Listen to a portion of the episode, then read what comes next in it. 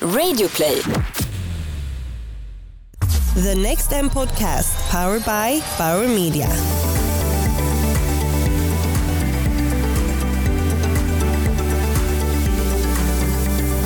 Välkommen till eh, Next M's podcast som produceras tillsammans med Bauer Media. Jag heter Simone Westerberg och jag är COO på mediebyråkoncernen Group M. I den här podden får du träffa såväl internationella inspiratörer som nationella specialister inom marketing och tech. Och just nu så sitter jag då i Bauer Media studio och framför mig så har jag Nikos Acuna um, som är Chief Visionary på Seismec.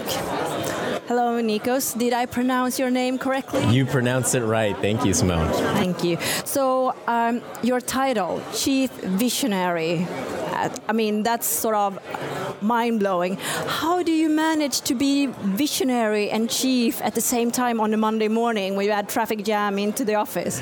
Yeah, on a Monday morning, it's always hard, right? So, Monday is usually when you have to be on point, but everybody likes to allude to that title because it's sexy, it's audacious, but you also have to understand that it's also product driven. So, from a strategy perspective, I essentially help to help shape the product roadmap for Sizmek, but I also look a lot broader.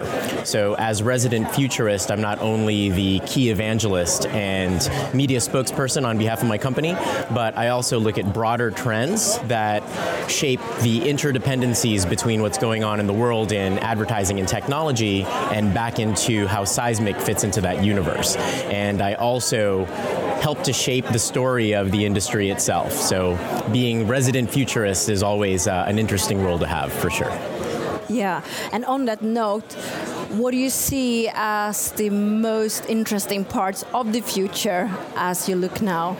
The most interesting part of the future is always based on the accelerating pace of change when it comes to exponential technologies. I talk about how the supercomputers in our pockets are a few million times smaller, several hundred thousand times more powerful, and a million times cheaper than the best communication device only the US president had just 30 years ago. And so if you just think about that as a snapshot, mobile has been around now for around 10 years. What else is possible with all of these different trends? So now you have VR, augmented reality, blockchain, artificial tech, artificial intelligence, and all of these connected technologies. And I look at the convergence of all of these technologies and how new types of solutions are sprouting out to enhance customer experiences for marketers and how they could use that to drive business performance more meaningfully. Wow, that's a big scope. So, I mean, technology is broad in its sense. It have, uh, as you say, it's exponential in pace. At the same time, we see studies around what's happening in the human brain and behavioral sciences that are connected to this. Um, what's your take on that? This is going to open up a can of worms, and I'm glad you asked that because I've been following the Human Connectome project. So, the rate at which we are able to classify at the individual neuronal level. So, for instance, you look at a glass of water that is in front of me right now, we're able to register that in our brain. There's a specific configuration of neurons that lights up that says, hey, this is a glass of water. The same types of technologies are being used to simulate the types of neurons in classification engines, have a wide variety of applications around identifying data, what has signal, what has noise, how to enhance those customer experiences. So I do believe that as we understand fundamentally what's going on in the brain, it's going to help us architect better solutions in the future. Um, So now we have talked um, initially about all the things that you possibly can do. Do you also talk a lot about or spend time on things that you shouldn't do? In terms of technology? Yeah, in technology, I also talk about how to be more responsible, right? So Nick Bostrom is very into speaking about being more responsible about this rate at which we are developing technologies that could potentially be smarter than us, right? So we always have to be conscious about the way we control these technologies and make sure that it's not evolving in such a way that we can't control them or don't fundamentally understand how these trends are going to open up uh, sort of these bad use cases that people are using. But I find it very intriguing, almost philosophical, that we can talk about how any technology is a double-edged sword. But you know, if you if you look at fire, for example, you know, fire has been used to cook our food, and that created culture. But it's also been used for obviously a ton of negative connotations as well. Technology is being utilized in the same way. So, if I would say, let's be more responsible, let's be more cognizant about it. Of course, use it in a way that's going to help shape the future, how brands could essentially design a better world, and of course, be more responsible about how we could be more cognizant about all of the potential use cases and threats in which it could potentially shape the future as well. Yeah, it sort of makes sense. And when you talk about all these innovations and the moral compass, do you have any sort of um, tips for people who are, are inventing uh, things, uh, the IoT right now?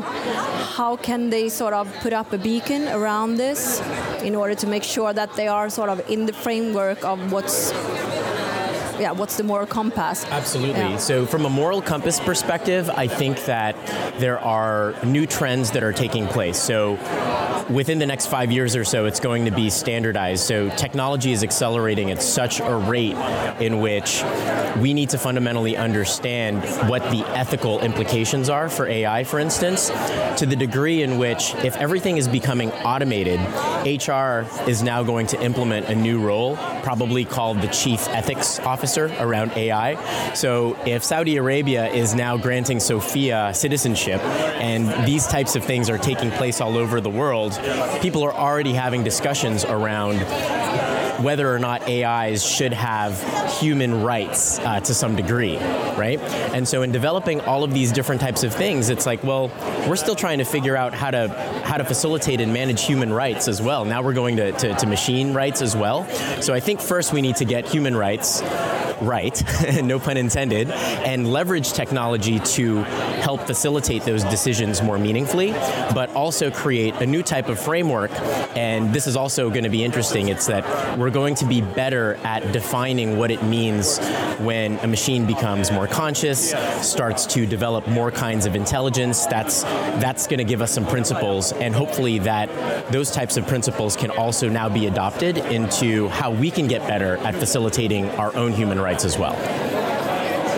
So, in short, let's look to ourselves and help what we're doing with machines and evolving machines in how we can get better at human rights, and then we can decide whether or not we should start to open up the doors for machine rights and you know consciousness and all of that big stuff. Sounds very logical. I hope we'll follow that. Um, today you're going to talk about um, being agents of transformation, uh, exponential marketing in the cognitive era. Can you please elaborate a little bit about that? Absolutely. It's everything that we're talking about right now. It's about exponential change. It's about how we can become agents of transformation because of the fact that it's much harder to differentiate in this world that we live in right now because of the fact that it's so complex and the fact that trends are moving so very quickly that it's harder to make a distinction, harder to be resonant, harder for a brand to differentiate and connect with audiences more meaningfully. So we need to figure out ways to be more audacious, be more ambitious, and become agents of transformation. In a more practical sense, this means that in the agency business, the business model, the foundations need to change in such a way that agencies need to move from tactically optimizing individual campaigns to moving into broader consultative strategies, becoming marketing technologists of the future. And so I explore how these workflows will ultimately change within the agency environment, but also how brands could be more responsible and also be more ambitious by building remarkable products that could potentially change the world. Wow, that's going to be interesting. How how do you see uh, marketing and marketing theory being changed given all these uh, technology uh, opportunities and the pace of change? Um, I mean, if you talk about Byron Sharp and his ideas, how does that stand with all the new sort of tools that's coming yeah. in? What's interesting, if you look at the fundamental principles of the five P's of marketing from way back, those things have fundamentally shifted altogether, right? You look at uh, Scott Galloway's work in, you know, he, he teaches at business school at, at NYU all the time, and he talks about the fall of the modern advertising industrial complex and its decline and how everything is shifting from an ad-based model to now user-generated content and also on-demand content without advertising in general. But we also need to continue to understand how new types of impressions are forming, new segments, new new ways to reach customers. So looking at the very granular levels of experiences. So moving from you know this whole methodology of, of, of sitting in one place, buying a ton of eyeballs. Now it's moving into ex- micro experiences into our mobile phones. So Kevin Kelly in his book The Inevitable speaks about this all the time. The the world is moving from that environment into flowing, screening. Everything that we have are, are, are these flow experiences and these micro experiences that are getting smaller and smaller. We just need to be more cognizant of how those micro experiences build up into a broader whole and change the way that our brains work and the way that we still connect with one another.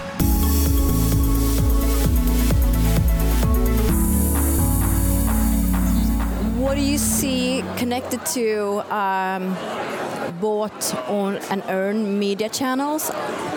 I mean, I guess something is going to happen on the area if, if the experience is taking place in, in micro sort of. Um, Absolutely. So what I what I see happening now is that the big brands that used to just buy a ton of media, these same companies are now investing in technology platforms, right? So the whole Silicon Valley movement where I come from, I come from San Francisco, and so growing up in that environment, it was a startup mentality in which you need to pivot, you need to iterate, you need to develop content, material, platforms, technologies very quickly and understand how those fundamentally start to shift in market. And so, with that in mind, brands are thinking like this. So, they're adopting all these digital platforms, they're investing in digital assets, and so they're also starting to invest in their own individual platforms to make what I call liquid experiences more seamless. It's the convergence between physical and digital environments that are making these experiences more, more seamless. And as we move into the VR, AR environment, that's going to be more seamless as well. So, all of it is going to converge. Brands first need to build that infrastructure and then understand, only then can they understand which specific experiences are driving lift, connecting more meaningfully, being more resonant, and then from there it starts a whole, it opens up the discussion around what makes their brand meaningful. Then it turns into something even more interesting and why we're marketers, right? It becomes a discussion about how do you talk to somebody that wants to change the world versus somebody that wants to be a rebel versus somebody that wants to get in shape and transform their lives versus somebody that wants to stand out from the crowd. So all of these things are now going to be opened up in the age of uh, what I call the cognitive era. Right. So, have you followed a company you think are doing this quite well and getting the mechanisms and parameters in place? A specific type of company or a specific brand. Um, I'll talk about it uh, at an industry level, and then um, I'll talk about um, and I'll tee up some examples. So I think in marketing, uh, what's very interesting is that uh, take finance, for instance, there's a big appetite for innovation around digital transformation. A lot of the top tier marquee clients that we work with at Sizmek, like uh, the Discovers, the Chases of the world, um, are developing all of these intelligent agents to facilitate these types of liquid experiences. Right? Let's um, let's implement voice. Let's implement uh, instant messaging through uh, neural networks so that we can get our intelligent agents becoming more human so that they can service our customers more meaningfully. So, uh, finance is doing it well from that uh, innovation type of perspective, and they're plugging it into deeper data sets. So, we saw examples of, of how Watson is doing that across the board. So, how can you find the perfect credit card for different types of companies? How Mercedes is now implementing that within their, their own user experience within their car and plugging that into into telematics systems. So we're, we're actually really seeing that across the board. But what's even more fundamentally interesting is that this whole arms race to develop new types of technologies and making them more human is really the goal of every single company. What's the personality of a brand, right? And again, that goes back to what I mentioned earlier in that what AI is really doing, it's doing three things more meaningfully. It's enhancing customer experiences, driving business performance, and then providing insights that are delivering that at scale. So uh, e-commerce is doing that very well uh, at the same time. So at a more kind of nuts and bolts level, um, trying to understand the converters that are are buying more stuff offline and taking that data about these customers and then applying that to an online envi- environment and then being able to model off of those customers more meaningfully. You talk about insight. I think that's super interesting because often in the industry we talk about data and how it's used in terms of targeting, meaning tactic and, and activation.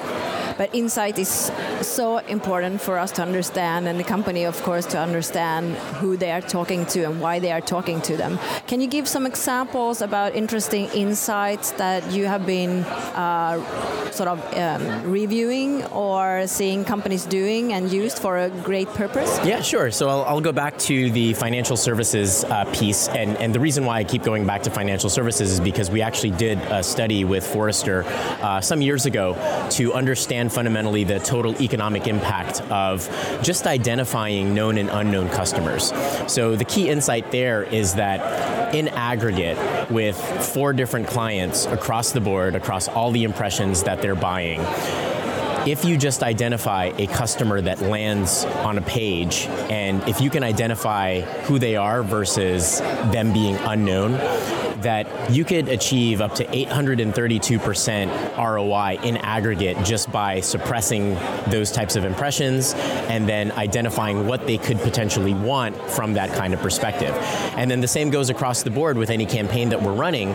If the AI now starts to generate, um, what you really want to do is you want the AI to optimize to a specific outcome, and then the insights platform will start to tee up what metadata, what specific attributes, and that's why we're moving into this this fully transparent model, and we call it the age of transparency uh, at Sizmek, is that we want to be able to dissect the dimensions of customers, costs, context, creative, and um, and consumers to be able to fundamentally understand specifically how much the advertiser is paying for, and then what bubbles up to the surface from a variance standpoint. And then obviously programmatic infrastructure needs to be informed in such a way that everything needs to be developed to evaluate the propensity of somebody to convert and how much you would pay for that individual moment in real time. And then that turns into an insight as well on the other side.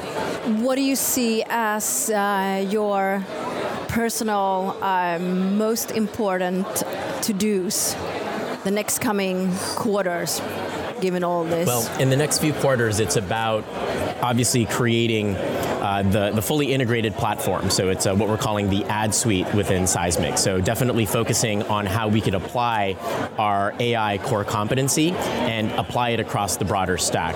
So taking a look at creative optimization, data enablement, and media execution, being able to facilitate how that AI could power and decision dynamic creative, and then obviously being able to expand that into the entire stack. So how we can make it more modular from a media execution standpoint, how users and enterprises can become smarter with their data, and then of course, dynamic creative is going to open up the doors for a lot more opportunities to facilitate more attributes that are going to give, again, more insight into what we're talking about. So what are the drivers beyond ad size, beyond uh, what customers are actually clicking on? Uh, what does that mean from an attribute standpoint that bubbles up to a deeper understanding of how these connections connections can now be created between brand and audience. With all these changes that are going on, what do you see as the most important things that a media agency have to do in order to keep up with the change?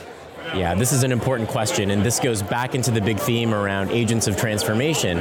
The media agency needs to become that agent of transformation. They need to become marketing technologists. They need to move away from just the very tactical optimizations that are taking place across being able to pull knobs and levers across all of these inventory sources.